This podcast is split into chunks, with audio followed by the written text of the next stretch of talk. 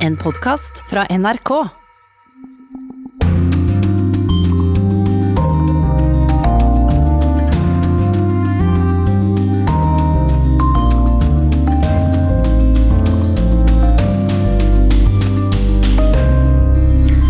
Velkommen til Urix på lørdag, i studio Øystein Heggen.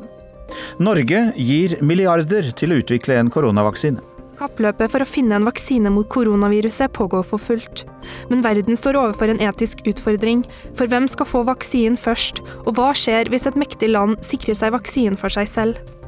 Og hva med vårt forhold til Kina nå? Det vil bli et oppgjør med Kina etter pandemien. De skulle ha informert verden mye raskere. Vi skal høre fra to av våre fremste forskere og kjennere av Kina.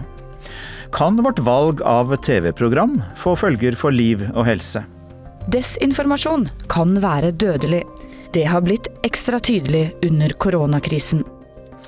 Og russerne bryter strenge virustiltak og drar til sine sommerhus. Myndighetene frykter stor smittespredning fra disse Dacha-reisene. I Kina lettes det på koronarestriksjonene, men maskene de beholder folk på. Det får vi høre om i korrespondentbrevet. Og skal vi nå begynne å heie på Saudi-Arabia? Det ligger an til at landets oljefond kjøper Newcastle Football Club. Når verden nå skal finne en koronavaksine, så står vi overfor en etisk utfordring. For hvem skal få den først? Hva skjer hvis et mektig land sikrer seg vaksinen for seg selv? Norge deltar nå i samtaler med flere land for å få på plass en internasjonal forpliktelse som kan sikre en rettferdig fordeling. We are already too late eh, because there are already so many people who have died of this disease. Vi er allerede sent ute. Det er så mange som har dødd av sykdommen, sier dr. Lydia Østfogels. Hun er seksjonsleder ved selskapet CureVac i Tyskland, og jobber mot klokken for å utvikle en vaksine mot koronaviruset. It brings stress and it brings pressure, um, but but at least you also feel that Det er mye press, men i det minste føler du også at du kan bidra, at du ikke er maktesløs, sier Røstvogels. I mars skapte det sterke reaksjoner da tyske medier meldte at USAs president Donald Trump hadde forsøkt å kjøpe opp selskapet. Både Det hvite hus og CureVac har benektet dette. Men siden den gang har frykten økt for at et mektig land skal sikre vaksinen for seg selv. Nå eh, la jeg akkurat på eh, telefonrøret her i et eh, møte sammen med, med flere av mine kollegaer, både fra, fra Europa og Australia, Canada, Frankrike, Tyskland, Italia og Japan. Det fortalte utviklingsminister Dag Inge Ulstein til NRK tidligere denne uken. Norge deltar nå i samtaler med flere andre land for å få på plass en internasjonal forpliktelse som kan sikre en rettferdig fordeling. Det er faktisk slik at enkeltland kan rett og slett ta eierskap til ei vaksine dersom den da er, er investert og utvikla eh, hos deg sjøl. Derfor er det så viktig å få etablert en sånn global, rettferdig mekanisme der, eh, der, der eh, land forplikter seg på en helt annen måte til et system som sikrer at vi får den rettferdige fordelinga av vaksinen når den, er, når den er klar. Mandag ledet EU og Norge en giverkonferanse for å samle inn penger til å utvikle en vaksine. I believe the 4th of May 2020 will mark a turning point in our fight against the coronavirus. Den 4. mai vil markere et vendepunkt i vår historie. Det sa EU-kommisjonens leder Ursula von der Leyen da hun åpnet nettkonferansen. Til sammen ble det samlet inn rundt 83 milliarder kroner, som bl.a. skal gå til vaksinealliansene CEPI og Gavi for å sikre rettferdig tilgang. CEPI ble opprettet av Norge, India og Bill and Melinda Gates Foundation etter ebolautbruddet i Vest-Afrika. CEPI fungerer nå som en slags kommandosentral for utviklingen av en koronavaksine. Det er tre ting som er viktige nå. Det ene er eh, tempo, å få dette gjort så fort som mulig. Ja, det må gjøres i stor skala på global basis, og det må sikres tilgang for alle. Og For å få til det, de tre tingene, så kreves det globalt eh, samarbeid. Det sier Fredrik Christensen, nestleder i CEPI. Selv om kappløpet for å finne en vaksine pågår for fullt, tror ikke Christensen at det vil komme en vaksine for alle for tidligst i 2021. Det mest optimistiske er at det vil kunne være nok doser klare til å begynne med virkelig høyrisikogruppene eh, allerede ved slutten av året. Men eh, det verden trenger, er jo i såpass store mengder at det kan vaksinere si, befolkningen generelt. Og, det vil ikke kunne skje før i 2021. Og i verste fall? Nei, I verste fall så kan man også få en situasjon hvor, hvor det viser seg at det er vanskelig å lage en vaksine overhodet. Man har jo jobbet med å lage hiv-vaksiner i 30 år uten å lykkes ennå. Så, så, det finnes absolutt verstefallsscenario her hvor det ikke blir noen vaksine på, på mange, mange år. Tilbake på laben i Tyskland. We increase the chances of success for the overall population by the fact that we have multiple approaches Dr. Østfogels sier at det likevel er grunn til å være optimistisk, fordi det er så mange som bidrar til å finne en vaksine. Det sa en representant for medisinselskapet CureVac i Tyskland, Lydia Ostfogels. Og reporter var Mariann Strand.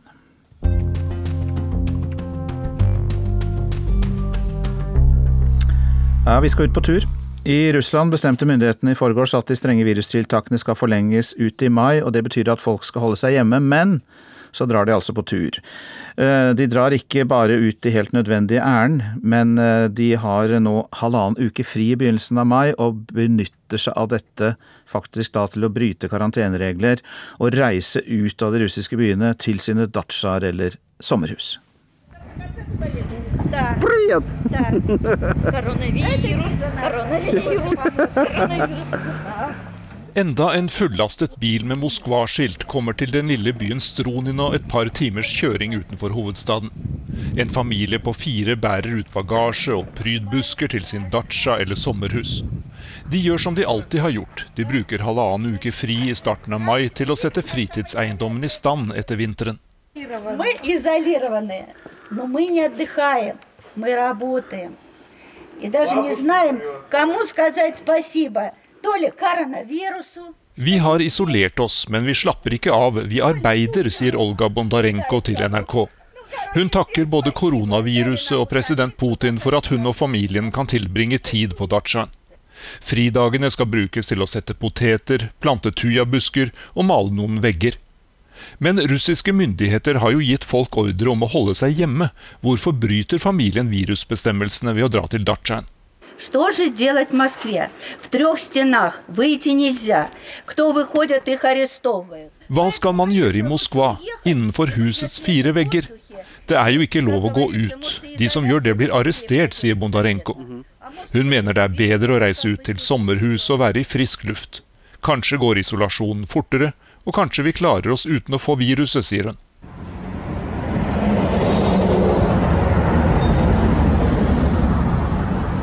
Og denne familien er ikke alene om å ha dratt ut fra hovedstaden.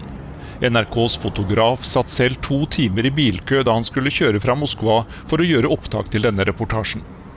Og dette skjer selv om russere flest allerede i slutten av mars fikk beskjed om å holde seg hjemme for å begrense koronasmitten. Legen Mikhail Ketskalo ved et av sykehusene i Moskva sier til nyhetsbyrået AP at tilstrømningen av koronapasienter er så stor at det minner om en krig. Han arbeidet i Tsjetsjenias hovedstad Grozny da det var kamper der i 1999, og sier at det som skjer nå, har mange fellestrekk. Og statistikken bekrefter det legen sier. Den siste uka har det hvert døgn blitt registrert om lag 10 000 nye smittede i Russland. Landet ligger dermed på femteplass i verden når det gjelder smitte, selv om antallet døde er ganske lavt. Den russiske presidenten sa denne uka at situasjonen er svært alvorlig.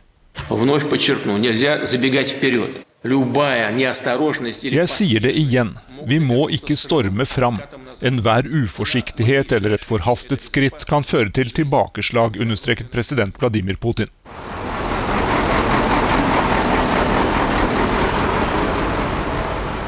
Gatene i Moskva blir spylt, men bortsett fra det er det ganske stille. Likevel mener myndighetene at altfor mange russere bryter reglene som skal hindre smittespredning. Stort sett har folk bare lov til å gå til medisinsk behandling, til nærmeste matbutikk eller til apoteket. De som bruker offentlig eller privat transport, må ha en spesiell tillatelse. De strenge reglene ble denne uka forlenget til slutten av mai, selv om en del industribedrifter i hovedstaden skal starte produksjonen igjen til uka. Den russiske statsministeren Mikhail Mishustin har selv blitt smittet med koronaviruset. Før det skjedde, møtte han sine medarbeidere for å advare om faren for smittespredning under friperioden i mai. Fridagene må gjennomføres slik at alle virustiltakene overholdes, sa Anna Papova på regjeringsmøtet. Hun leder den statlige komiteen som koordinerer kampen mot pandemien. Hvis tiltakene ikke respekteres, kan alt arbeidet som hittil er gjort være forgjeves, understreket hun. Земля, видишь, какая?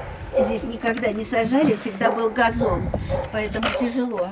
På dachaen utenfor Moskva har fire tujabusker kommet i jorda. Snart skal grillen fyres opp, og det skal lages sjasjlik, eller grillspyd med saftige biter av marinert svinekjøtt. Tradisjonen med å være på fritidseiendommen er så viktig for mange russere at de er villige til å ignorere myndighetenes koronaråd og regler. Det høres kanskje kjent ut for noen nordmenn også? Sa Russland-korrespondent Jan Espen Kruse.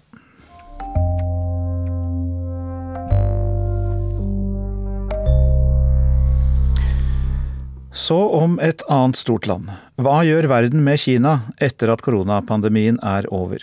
Vil de vestlige landene nå føle at det blir lettere å ta et oppgjør med hvordan det kinesiske ettpartistyret behandler både sykdomsutbrudd og sin egen befolkning? Vår USA-korrespondent Anders Magnus har sett på dette. Han har jo også vært korrespondent i Asia, med bosted i Beijing. Og han har snakket med to av våre fremste eksperter på Kina og Asia. Oppgjøret med Kina kommer. Det er nå sagt i klartekst fra mange hold i Vesten, sier professor Steinringen.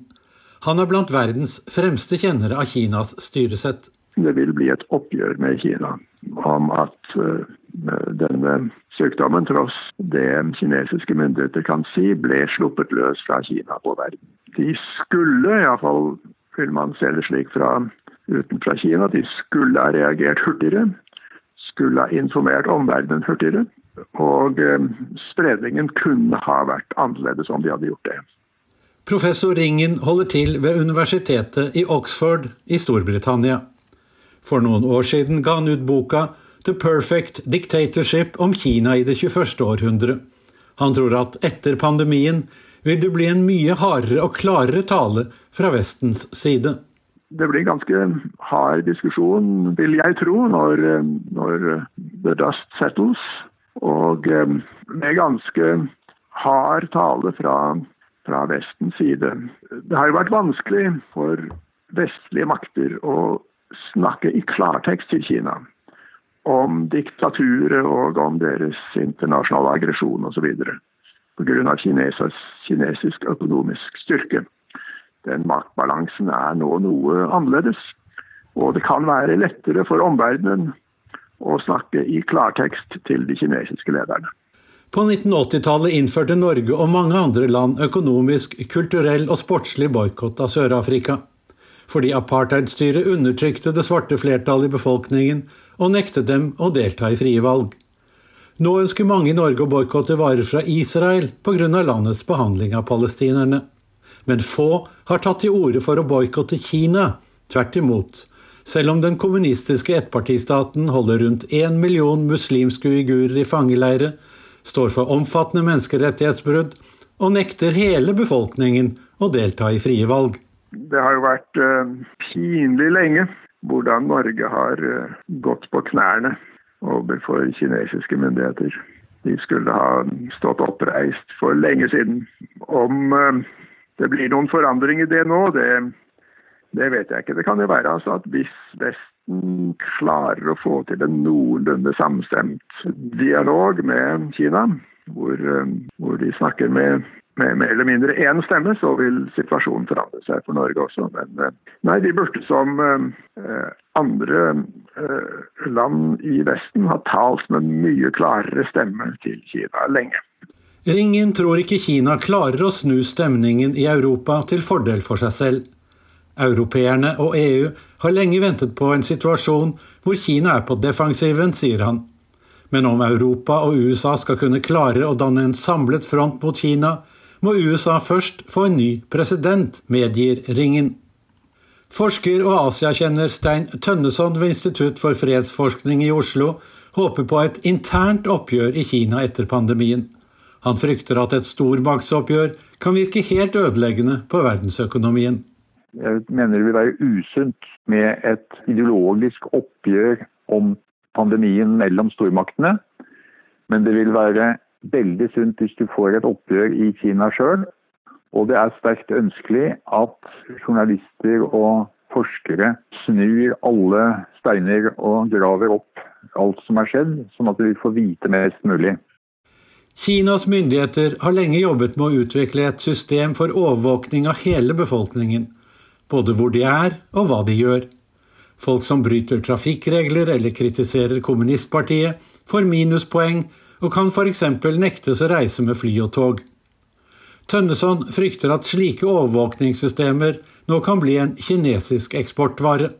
Kina lager systemer for statlig kontroll som blir attraktive eh, produkter for andre stater som ønsker autoritær kontroll. Kinesisk overvåkningsteknologi er alt solgt til Russland, og Tønneson tror også andre land står på kundelisten. Og jeg frykter at denne pandemien vil styrke eh, behovet for denne typen autoritære kontrollmidler, og at motstanden mot å ta dem i bruk i en lang rekke land vil være redusert. En nylig undersøkelse viser at det nå for første gang på 20 år er flere udemokratiske enn demokratiske land i verden. Tønneson frykter Kina vil bidra til denne utviklingen. Så vi kan se en forsterket autoritær tendens rundt om i verden ved hjelp av statlig import av kinesiske kontrollsystemer.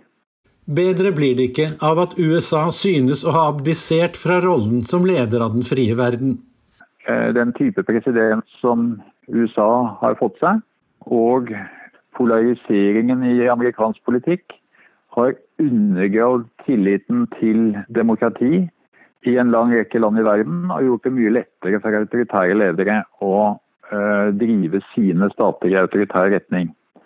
Og mange har da også sett til Kina som ledelse. Det sa forsker Stein Tønneson ved Institutt for fredsforskning PRIO. Og vi hørte også Stein Ringen, professor ved Universitetet i Oxford. Og det var USA-korrespondent Anders Magnus som hadde laget dette innslaget.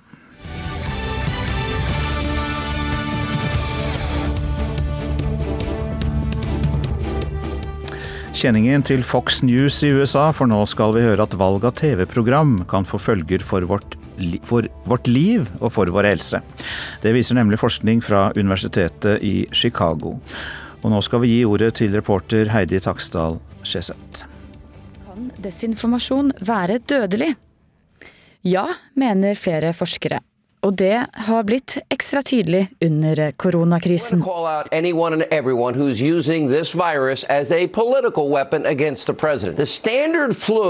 Every single year kills tens of thousands of Americans. Sean Hannity er en av de mest populære programlederne på USAs største TV-kanal, konservative Fox News. Hannity slo tidlig fast at koronakrisen først og fremst var noe venstresiden i USA vil bruke mot president Donald Trump. Good evening and welcome to Tucker Carlson tonight. Tucker Carlson også en av de mest sette programlederne på populære Fox News tok koronaviruset på alvor ganske tidlig. Allerede i februar advarte han om hvor farlig dette kunne bli. This could be serious. How likely is an epidemic in the United States? Are we ready for it if it comes? How many could die? De to programlederne, begge i 50-årene med blå dress og slips og alvorlige blikk, står godt plassert på høyresiden i amerikansk politikk. De gjør lite for å skjule sin begeistring for USAs president. Men når det kommer til koronapandemien, har de to delt ulik informasjon til sine seere. Det har fått konsekvenser for dem som så på. Det sier forskere ved Universitetet i Chicago. Forskerne der har vist at de som så på Sean Hannitys program, i større grad har blitt smittet av korona, og at flere har dødd enn de som så på Tucker. Forskerne tror det er fordi seerne til Sean Hannity ikke har tatt viruset på alvor, og at de derfor ikke har tatt sine forholdsregler. Eksempler fra USA viser hvor farlig feilinformasjon kan være. spesielt i en slik pandemi. Bente Karlsnes, førsteamanuensis ved Høgskolen Kristiania, understreker at studien ikke er publisert eller fagfellevurdert. Men desinformasjon er farlig, sier Karlsnes. Det kan være farlig, og til og med livsfarlig, i en eh, helsekrise sånn som vi er i nå. Altså, hvis vi tar beslutninger om vår atferd basert på dårlig informasjon, altså hvis vi lar være å vaske hendene, hvis vi lar være å ta avstand, så kan det være eh, farlig.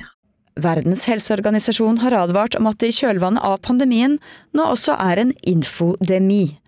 Jeg har forklart det som at det er eh, eh, enormt masse informasjon av eh, varierende kvalitet. Noe kan en stole på, og noe av det kan vi ikke stole på.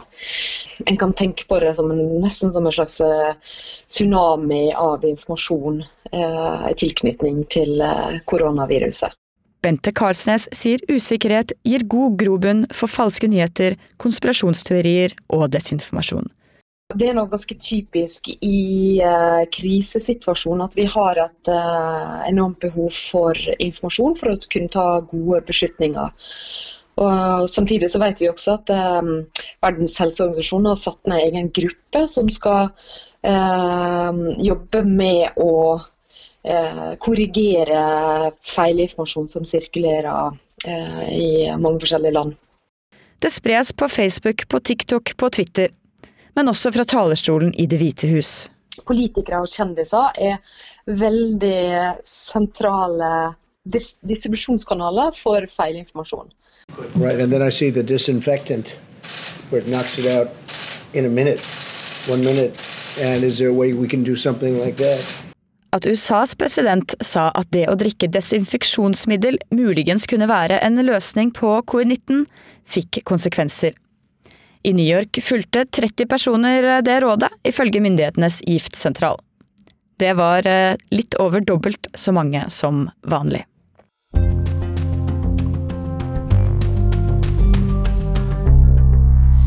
Etter mer enn tre måneder med strenge tiltak mot koronaviruset har Kina senket farenivået, men er fremdeles på vakt, også mot en verden som nølte med å ta viruset på alvor. Korrespondentbrevet er fra Kjersti Strømmen i Beijing. Jeg stoppa sykkelen ved sperringa til gata der jeg bor, og viste fram det midlertidige inngangskortet som er blitt laga pga. korona. Så strakk jeg fram armen for at portvaktene skulle få ta tempen på meg. Dette daglige ritualet er blitt en vane som begynte i vinter og er gått over i vår. Jakken er ikke så tjukke lenger, luen er ikke lenger trukket nedover ørene, og frykta er mindre. Men maskene er alltid på. Brått spør den ene portvakten meg om hvorfor folk i Europa ikke bruker masker når koronaviruset nå herjer i verden. Jeg vet ikke helt hva jeg skal svare.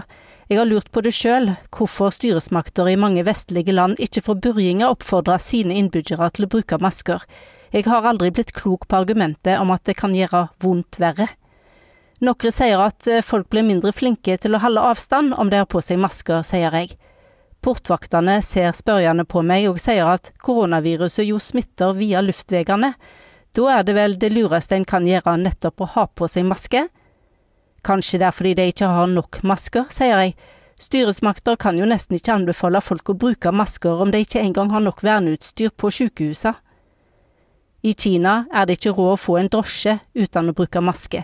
En slipper ikke inn i butikken eller på bussen eller i parken uten og selv om dette landet nå er på vei til å bli friskmeldt, er det fremdeles sosialt uakseptabelt å gå på gata uten maske.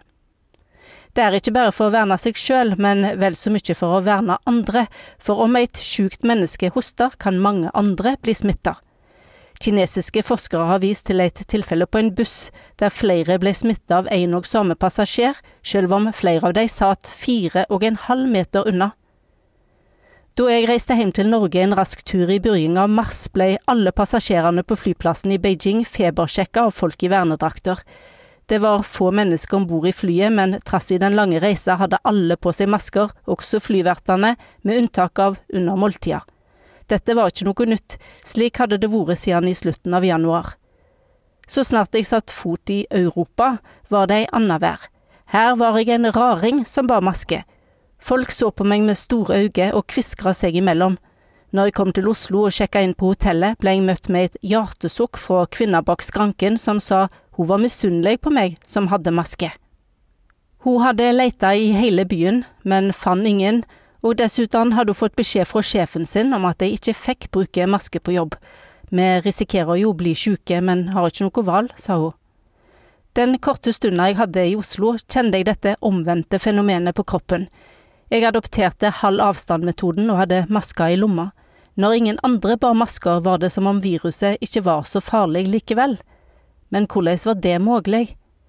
Kina var seint ute med å varsle både egne borgere og verden om dette koronaviruset, men Europa og USA hadde likevel mange veker på å forberede seg.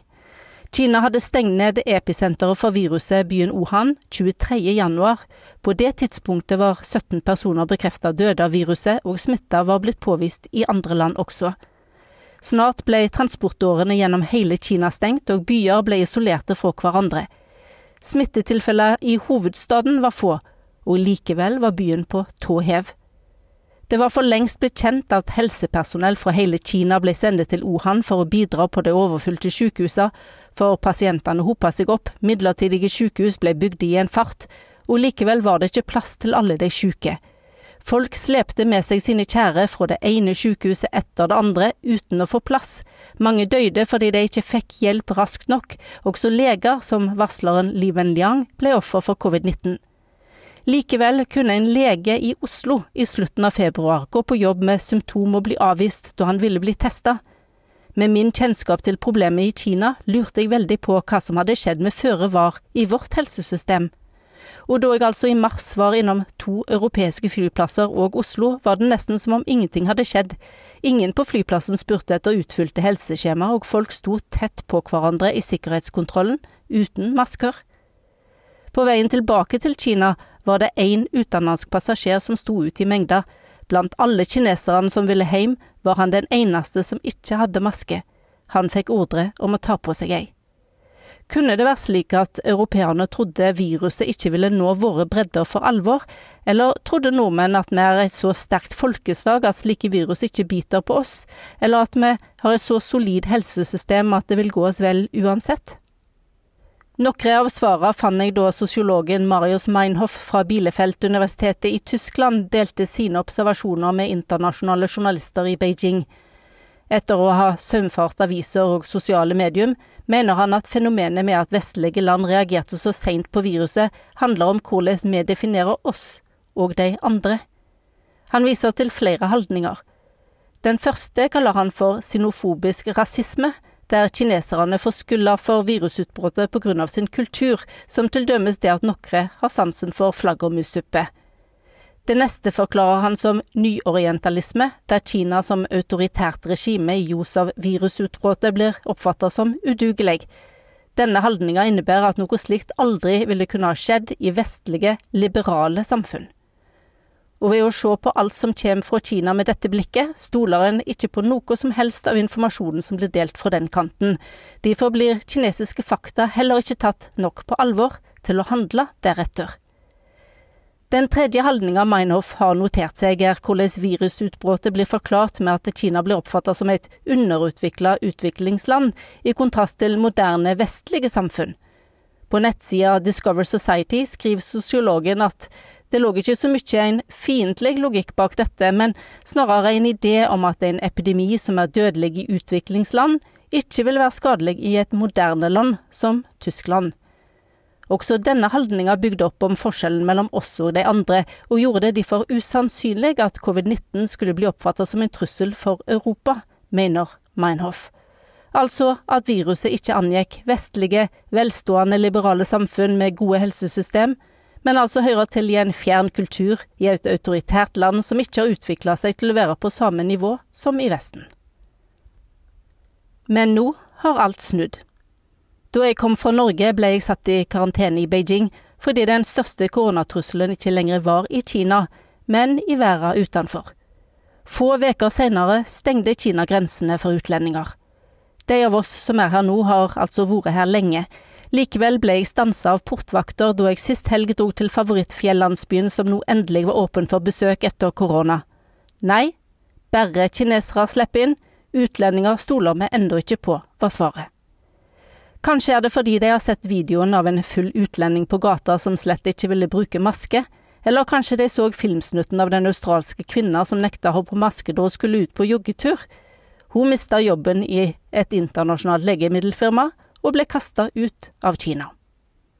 Mange kinesere har vært måpende til hvordan liberale vestlige demokrati fikk en nølende tilnærming til korona, og at folk har protestert. Det er et par setninger som stadig dukker opp på ulike plattformer her i Kina nå. Der står det at folk i Vesten klager på at deres menneskeretter blir krenka om de til dømes må holde seg i karantene. De er visst mer opptatt av sine retter, de, enn å være i live. Og så spør vi om det er blitt lov til å heie på Saudi-Arabia. Det er nemlig spørsmålet som stilles i ukens podkast, som er ved Tore Moland.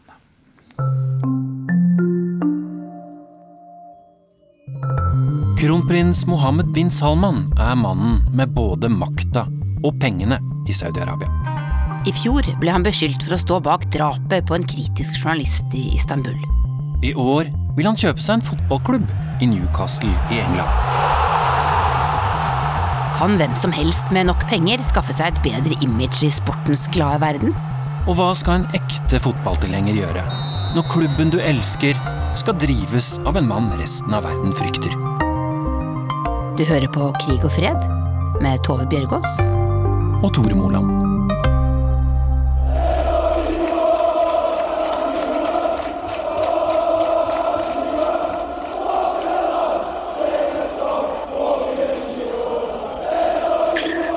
Stadion som er kjent for eh, altså, syngende supportere, masse støy, eh, god stemning. Det vært eh, det er en av de eh, stadionene i, i, England med høyest kapasitet.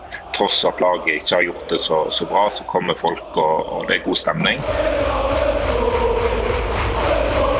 Jeg var altså åtte-ni år gammel. Favorittspilleren min var, var Alan Shearer. Eh, og når Alan Shearer eh, gikk over til Newcastle, så var det på en måte eh, gjort. Det var jo tidenes største overgang på det tidspunktet i verden. Da var det ikke bare Alan Shearer som var solgt, da var det Morten Myksvold som var solgt i samme slengen? Det er korrekt. Mitt navn er Morten Myksvold. Jeg har vært Newcastle-supporter i 25 år og er kommentator i Bergens Tidende sterkeste Newcastle-bindene egentlig første gangen jeg skulle på kamp. Det var i 2006. Jeg skulle se Alan Shearer før han la opp. Men dessverre så ble han skada kampen før. Men han kom ut i pausen og tok imot hyllesten fra, fra, publikum. Og da hadde han akkurat annonsert at han skulle legge opp. Så det var ganske, det var ganske sterkt øyeblikk. Men Morten, nå truer du med å slå opp med Newcastle United for godt. Hvorfor det? Nei, Det er jo ikke en veldig hardtslående trussel, siden jeg er en supporter i, i Bergen og ikke i Newcastle. Men, men, for min del så jeg, jeg det var viktig å si fra at det er smertefullt å se hvordan et fotballag kan bli ødelagt av en ny eier. Eh, for det handler, om, det handler om politikk og det handler om å vise hvor viktig fotballen kan være. Eh, og når det kommer inn en ny eier, mest sannsynlig, da, for det er ikke helt avklart ennå. Ehm, som, som, da er egentlig den saudiarabiske staten. Så er det en stat som er kjent for grove menneskerettighetsbrudd. Det er en leder som ønsker å framstå som en stor reformator. Men realiteten er at det er et eh, brutalt, eh, totalitært regime de har stått bak halshoggingen av journalisten Jamal Khashoggi i 2018. De fengsler menneskerettighetsforkjempere, de kjemper folk som jobber for kvinners rettigheter. Eh, og nå skal de bruke klubben min da, eh, til å kjøpe seg legitimitet for å framstå bedre enn det de er. Det er så mm, vondt å se at nå kan kanskje klubben oppleve suksess igjen. Men det blir med Mohammed bin Salman og Saudi-Arabia som bakteppe. og det, det, det, er så vanskelig å se klubben sin bli brukt på den måten at da er det like greit at det ikke er klubben min. på en måte. Fansen synger så det ljomer hjemme på St. James' Park for å bli kvitt klubbeieren Mark Ashley.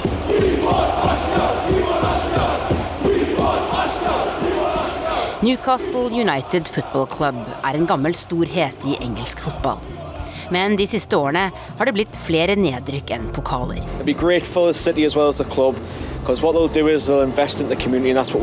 Folk i byen er så desperate etter å bli kvitt han som eier klubben i dag, at de mye heller vil at Saudi-Arabia skal overta. I know the Saudis have a bad reputation, but I don't, I don't think that should have any bearing again on the takeover of Newcastle because we're desperate to get rid of the person who's in charge. Everybody's got their own opinion on human rights, and I feel sorry for the lass and that, but mate, Ashley, I need him out. En eh, undersøkelse blant eh, fansen eh, nylig om man er positiv til det saudi-arabiske oppkjøpet, ga det beskjedne flertall av 96,7% som var gjerne ville ha dette. Jeg tror vi konkluderer med at dette liker supporterne. Jeg heter Jan Petter Saltvedt. Jeg er sportskommentator i NRK. Newcastle-fansen er, der er hardtarbeidende sjeler som har vært engasjert lenge og ikke følt de har fått noe som helst tilbake. Man blir litt imponert når man kommer til Newcastle og vet hvor lite de har hatt å glede seg over i mange år, og ser den entusiasmen, den kjærligheten altså Det raseriet over at ikke uh, eierne bryr seg like mye om klubben som det supporterne gjør. Dette er så ektefølt, og det er så vondt for dem. Uh, og har vært det så lenge. De, på midten av 90-tallet så fikk de håp. og så forsvant det håpet igjen. Og så har det vært det siste tiåret særlig, har de bare følt at klubben har blitt utnytta. Og det, der ser de et lys igjen. Er det så lite å glede seg over oppe i Nordøst-England at man må sette håpet sitt eh, Mohammed bin Salman? Det er faktisk, svaret er faktisk eh, ja, eh, hvis vi holder oss innenfor fotballsfæren. Fordi de, de, de, vil så gjerne. De vil være en av de store klubbene. Der kommer 50 000 mennesker hver eneste gang de spiller, uansett hvor dårlig de vet det går. Og her har man en stor del av England som nå plutselig kan gi Saudi-Arabia virkelig en arena for å sole seg som populære fotballeiere. Newcastle ligger jo helt for seg sjøl der oppe akkurat nå, når det gjelder elitefotball. Det er liksom skotskegrensa i nord, og så må du helt ned til Burnley i sør, og det er ganske langt. Hvor de har et nedslagsfelt med fotballsupportere utsulta på noe å bli stolte av. Og Hvis det da er de saudiarabiske myndigheter som uh, kan gi dem det, så, så sorry Kashoggi, dette var viktigere for oss.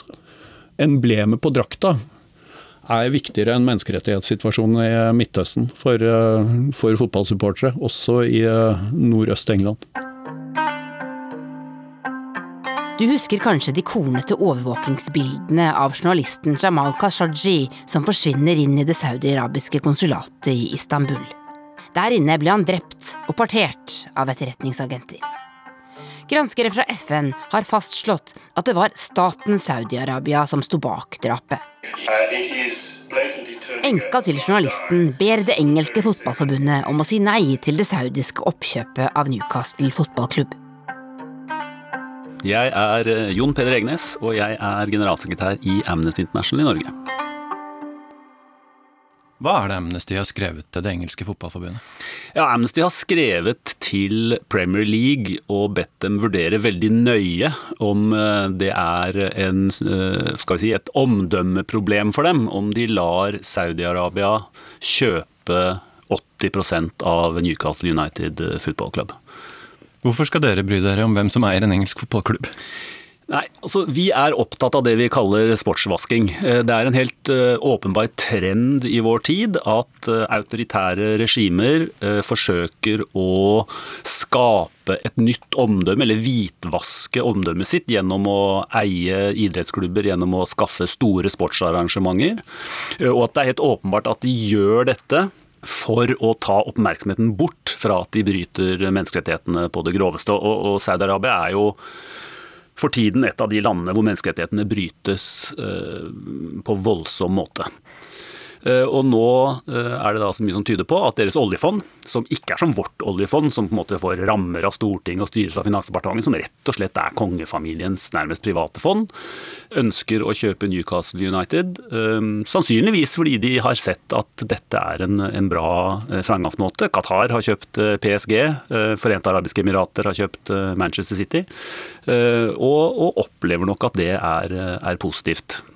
Men som du nevnte, Qatar eier fotballklubber, Emiratene eier fotballklubber. Hvorfor må grensa gå ved Saudi-Arabia? Nei, altså, det vil den for så vidt. Vi, vi, har vært uh, kritiske til uh, eierskapet i de to andre klubbene som er nevnt her, og, og flere andre. Men, men, der må jeg bare innrømme at vi var kanskje ikke klar over dette fenomenet da de uh, kjøpte disse klubbene. sånn at Det er ikke sånn at grensen går ved Saudi. Det er greit med Emiratene og Qatar, men det må stoppe ved Saudi-Arabia. Det er bare at nå er vi, har vi liksom blitt blitt obs på det som foregår, og, og, og hever et, et, rødt flagg og, og, ber Premier League tenke nøye gjennom om de rett og slett ødelegger sitt eget omdømme ved å la eh, en så grov menneskerettighetsforbryter som Saudi-Arabia kjøpe en så stor og fantastisk klubb egentlig som den Newcastle er, selv om jeg ikke er supporter av dem akkurat. Men Jon Peder, Kina har hatt OL, Qatar skal ha fotball-VM, Putin har hatt både fotball-VM og OL.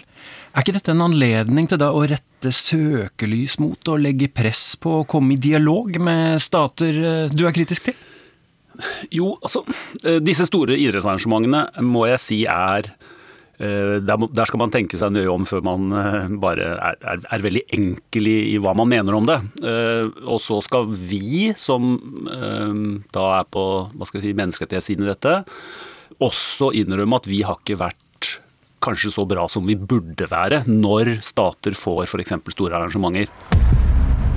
22 зимние Олимпийские игры в Сочи объявляю открытыми. Vladimir Putin var stolt vert for både vinter-OL og fotball-VM i Russland. Gulfstaten Qatar har møtt protester både under friidretts-VM i fjor og for at de skal arrangere fotball-VM om to år. Og at omstridte land og ledere prøver å skaffe seg positiv oppmerksomhet gjennom sport, er heller ikke noe nytt.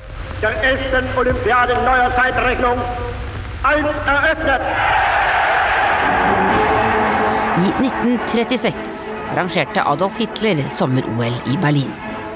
Et utstillingsvindu for Det tredje riket der Tyskland selv gjorde det best av alle.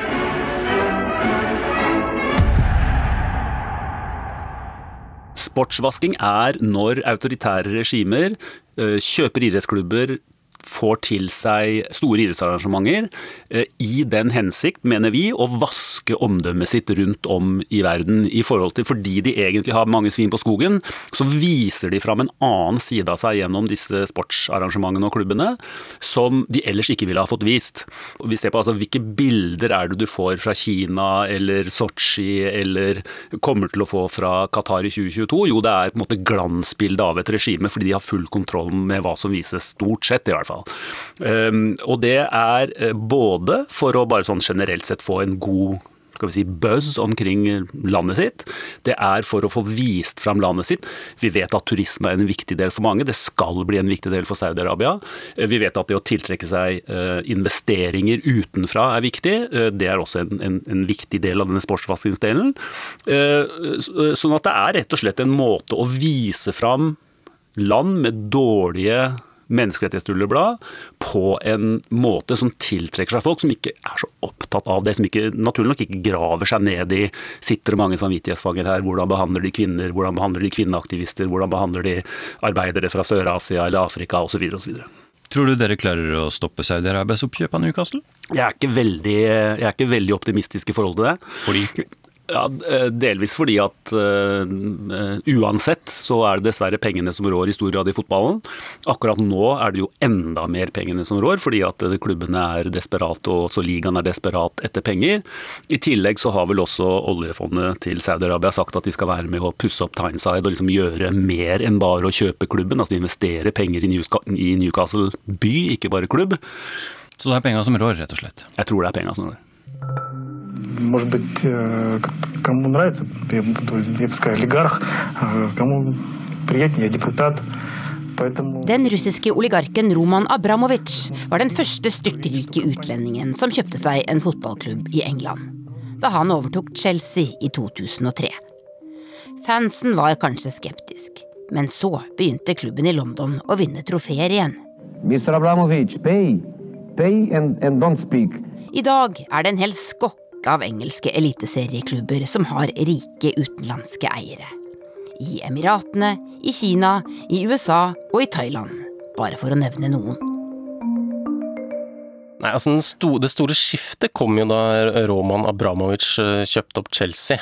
Eh, da kom virkelig de store pengene inn i engelsk fotball utenfra. Det var da russiske oljepenger, og det forandra hele landskapet. Han kunne plutselig sørge for at Chelsea hadde råd til å hente inn nesten alt de ønska av stjerner.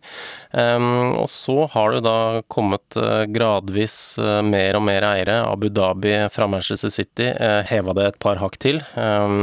Så nå er det Altså på de, av de 50 største klubbene i England, så er det eh, noen og 40 som eies av utenlandske eiere. Sånn at eh, det har eh, virkelig tatt av i England. Ja, eh, jeg heter Thomas Aune. Jeg er eh, programleder i 442 på NRK P1. Og så en podkast som heter Fotballklubben.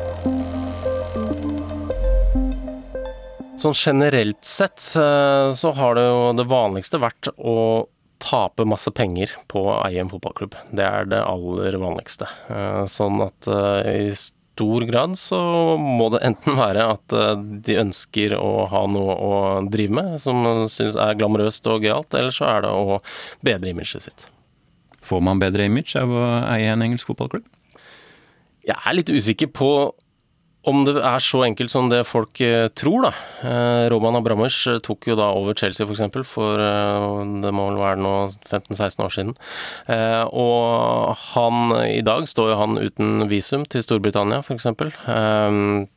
Så det er ikke sånn at man umiddelbart blir renvaska og tatt opp i det gode selskap fordi man eier en fotballklubb. Eh, Russland arrangerte jo VM i 2018, OL i 2014. Det er ikke sånn at de har fått et eh, godt rykte sånn umiddelbart etter det. Eh, sånn at jeg tror det kanskje ikke nødvendigvis funker så bra og så enkelt som det mange håper på, da. Hvor gode kan Newcastle bli da, med sugerør ned i Saudi-Arabias statskasse? Nei, Det spørs jo hvor mye penger de gidder å bruke, da. Eh, hvis de er sånn som eh, Manchester City eies jo av Abu Dhabi, PSG eies jo av Qatar. Eh, og de har jo vært villige til å brenne litt penger på klubbene sine. sånn at hvis de kommer til å, å gjøre det, så kan det jo Newcastle plutselig bli en av Europas aller beste klubber. For Saudi-Arabia så er ikke det her sånn veldig mye penger. Eh, og det å kjøpe Newcastle altså Mohammed bin Salman har jo en eh, yacht som er dyrere enn eh, Newcastle, og på den yachten så har han jo et maleri som også er dyrere enn Newcastle. sånn at eh, hvis han virkelig ønsker å satse og prøve å bruke det her til å eh, gjøre noe med ryktet til, til Saudi-Arabia, så, så, kan de jo virkelig bruke masse penger. Eh, og da kan plutselig Newcastle bli en storhet i Europa. Thomas Aune, hvis man er fotballsupporter, mm. er det da bare resultatene som betyr noen ting, egentlig? Nei, det bør jo ikke være det. Selv så heier jeg på Tottenham. De har vunnet veldig lite i løpet av den tiden jeg heier på dem. Sånn at uh, det er for å ha noe å drive med, ha et eller annet tilhold et eller annet. Uh, men så er det jo mange som da blir uh, blenda litt av uh, suksess, muligheten til å vinne titler, kanskje. For Newcastle, altså Når vant Newcastle noen sist? Uh, hvis du er 45 år gammel og heier på Newcastle, så har du sikkert aldri sett de uh, vinne noe som helst. Sånn at nå har de jo noen mulighet til å faktisk vinne noe, så jeg skjønner at man kanskje kan bli blenda av det. Men man må prøve å liksom tenke at det er jo greit å ha litt moral i bakhodet der.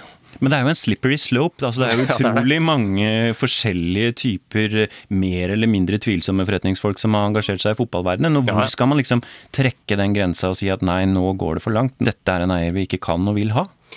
Nei, og det, det er vanskelig å sette hvor går den grensa. Um, for mange mener jo det at det kanskje går ved tortur, tortur og parteringsdrap.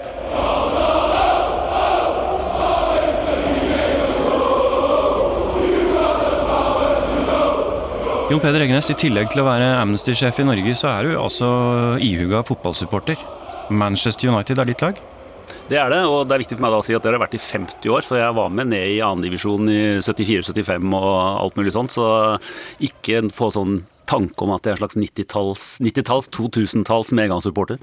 Hva vil du si til Morten Myksvold, da, som har holdt med Newcastle i 25 år, og som sier at uh, hvis Mohammed bin Salman overtar, så er det slutt? Ja, Først og fremst at jeg forstår ham, for det er jo det samme jeg sa da det var snakk om at han skulle kjøpe uh, Man United. Og da oppdager man hvor viktig faktisk sånn følelsesmessig det der fotballsupporterhjertet er. Um, mange syns jo det er tull og tøys, og det kan jeg forstå. Uh, det er ikke en eksistensiell krise, men jeg, men jeg har forståelse at det er et utrolig det er, det er en kjip ting å skulle gjøre. Og si vet du hva, den klubben, nå skal jeg ikke se på den på TV, nå skal jeg ikke følge med i avisene, nå skal jeg ikke bry meg om hvordan det går med dem. Man bruker mye tid og, og krefter og får ut litt av det derre den delen av seg da, som ikke bare skal være huet, men som skal være liksom, følelser i fullt monn, som kanskje vi nordmenn ikke er så gode å få ut på en del områder. Særlig ikke menn, kanskje. Så er det liksom noe med at det er, det er ganske viktig. Det er det, er, det er det, er det viktigste uviktige man driver med. Der kom sitatet fra pave Johannes Paul 2., er det ikke det? Ja, er det han som sa det? Jeg lurer på om det er det, faktisk. Ja. Hva skal du gjøre med ditt eh, kjærlighetsforhold til fotballen nå da, Morten Myksvold? Nei, altså engelsk fotball tror jeg ikke jeg gidder å følge med på. Men det fins jo, jo, norske fotballag. Jeg følger jo med på Brann. og Det verste jeg kunne gjort, var jo å bare funne meg en ny klubb i England. og Det, det har jeg absolutt ikke tenkt meg å gjøre. Og, og, det er liksom ingen andre klubber i England enn Newcastle jeg har lyst til å følge. Nei, dessuten så er det vel ikke lov, er det det, å skifte klubb? Nei, det, det er ikke greit i det hele tatt. Du har hørt Krig og fred fra NRK Urix. Lydregien var ved Hans Ole Hummelvold. I denne timen har du lyttet til Urix på lørdag. Dette er en sending du også kan finne som podkast på nettstedet radio.nrk.no. Teknisk ansvarlig Helje Svensson, produsent Truls Lier og i studio Øystein Heggen.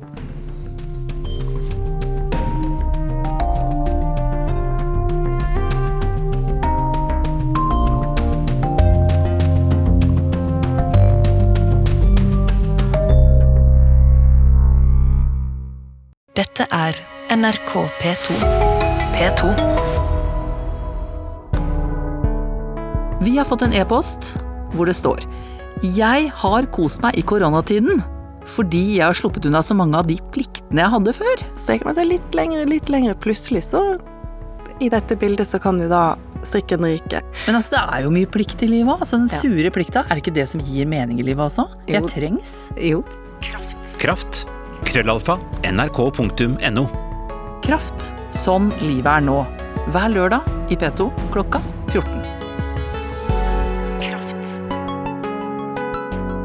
I tillegg får Kirsti Kraft besøk av forfatter Ruth Lillegraven. Hun fikk skrivesperre da Norge ble stengt den 12. mars, men etter en måneds tid kom ordene tilbake, og i Kraft sånn livet er nå deler hun tekster som er under arbeid.